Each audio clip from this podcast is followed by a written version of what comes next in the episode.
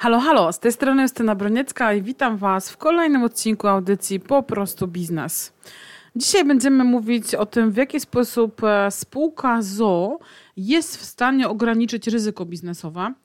Temat wraca do nas trochę jak bumerang z uwagi na dosyć trudną sytuację mm, gospodarczą, ekonomiczną wielu przedsiębiorców, e, na dość spóźnioną reakcję e, rządu, jeżeli chodzi o potrzeby wspierające naszych no, właścicieli firm. Więc y, zacznę od tego, czym właściwie jest spółka ZO.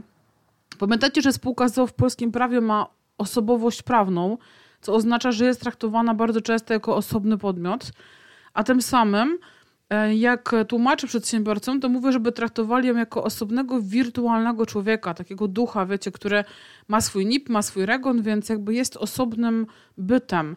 E, w, w sensie polskiego prawa.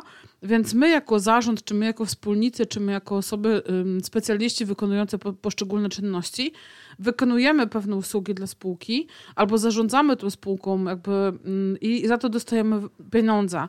E, dostajemy te pieniądze od spółki, więc pamiętajmy, że spółka ma osobny e, portfel.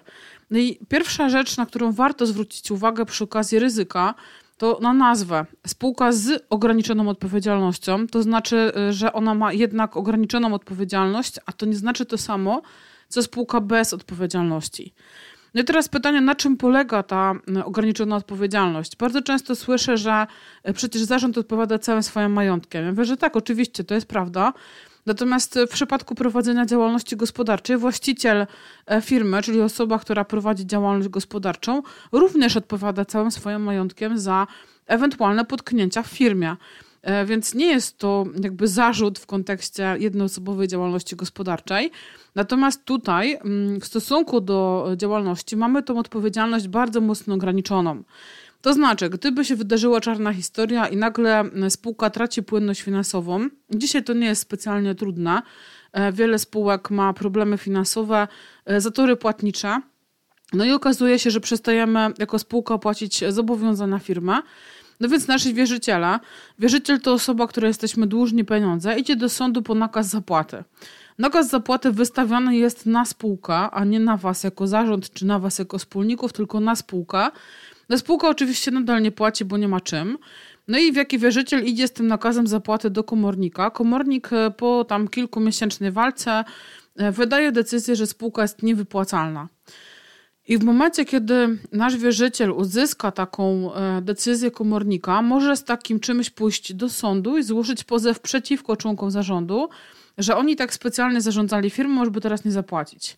Dopiero jak taki pozew wygra, nasz wierzyciel, to wtedy, dopiero wtedy majątek prywatny zarządu może być e, zajmowany.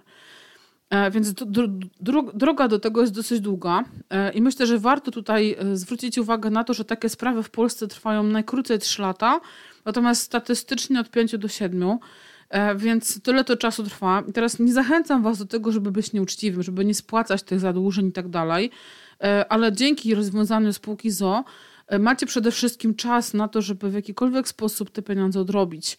E, pieniądze waszej rodziny są bezpieczne, więc możecie spokojnie działać, możecie e, w jakikolwiek inny sposób te pieniądze zarobić, aby oddać wierzycielom. No i w przypadku, gdyby się jednak wam potknęła noga bardziej, to możecie zgłosić tak zwaną upadłość spółki. Jeżeli zgłosimy to w ciągu 30 dni od daty utraty płynności finansowej, to teoretycznie jesteśmy jako zarząd zwolnieni z finansowej odpowiedzialności za zadłużenie spółki. Natomiast tutaj od razu zwracam Waszą uwagę, że ten termin 30 dni jest e, bardzo płynny i bardzo ciężko go uchwycić. E, I różnie bywa z udowadnianiem tego w sądzie, więc nawet jeśli zgłosicie upadłość i wy uznajecie, że ona jest zgłoszona w terminie, no to może się zdarzyć tak, że sąd uzna, e, że to już było za późno. Więc jakby zwracam Waszą uwagę, że to, to ogłoszenie upadłości w terminie z Waszej perspektywy nie musi oznaczać, że z perspektywy systemu podatkowego, systemu sądowego e, będzie uznawane dokładnie w taki sam sposób. No i teraz odpowiadając na kluczowe pytanie, w jaki sposób spółka ogranicza ryzyko biznesowe, no to przede wszystkim to, że możecie mieć wiele spółek jednocześnie. A więc jeżeli e, jedna jednej, w jednej spółce się wam powinnie noga, no to pozostałe są jakby oddzielone, tak? Więc e, te budżety na siebie nie wpływają. E, druga sprawa to no w razie podpowinięcia nogi to macie po prostu czas, tak, na reakcję, macie czas na odrobienie tych pieniędzy. Więc ta wasza odpowiedzialność jest mocno ograniczana, tak? Szczególnie chodzi o ochronę majątku prywatnego. Spółka ZO również pozwala na, na um, jakby gromadzenie majątku. Dzisiaj osoby, które najczęściej inwestują w nieruchomości, jakby gromadzą te nieruchomości w jednej ze spółek. Te spółki nie prowadzą działalności operacyjnej, mają po prostu majątek, są właścicielami majątku i w razie jak coś się dzieje w jakiejkolwiek innej spółce, no to osoba fizyczna najczęściej nie ma majątku. Natomiast oczywiście tutaj można dużo mówić o etyce, że tak można, że nie można, że to jest oszukiwanie ludzi. No różne słyszę historie. Podaję wam różne rozwiązania, które widuję na rynku. Natomiast etykę e, biznesową pozostawiam do oceny każdego z Was. E, więc e, spółka ZO na pewno jest dużą przewagą w stosunku do działalności gospodarczej z uwagi na absolutną rozdzielność majątku firmowego i prywatnego, z uwagi na ograniczoną odpowiedzialność w razie jakichś ewentualnych długów. I też pozwala na to, żeby prowadzić tych firm kilka w jednym czasie.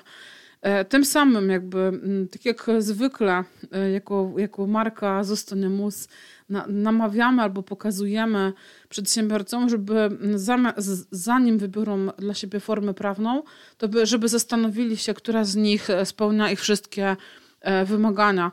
Spółka ZOO statystycznie okazuje się być bardzo często dobrym wyborem, choć nie mówię, że zawsze, bo to też nie jest tak, że innych form prawnych nie należy wykorzystywać.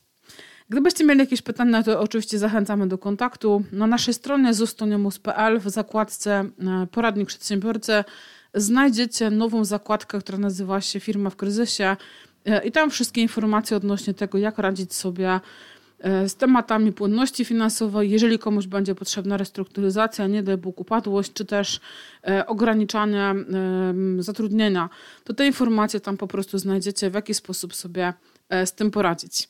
Na dzisiaj z mojej strony to tyle. Dziękuję bardzo i do usłyszenia.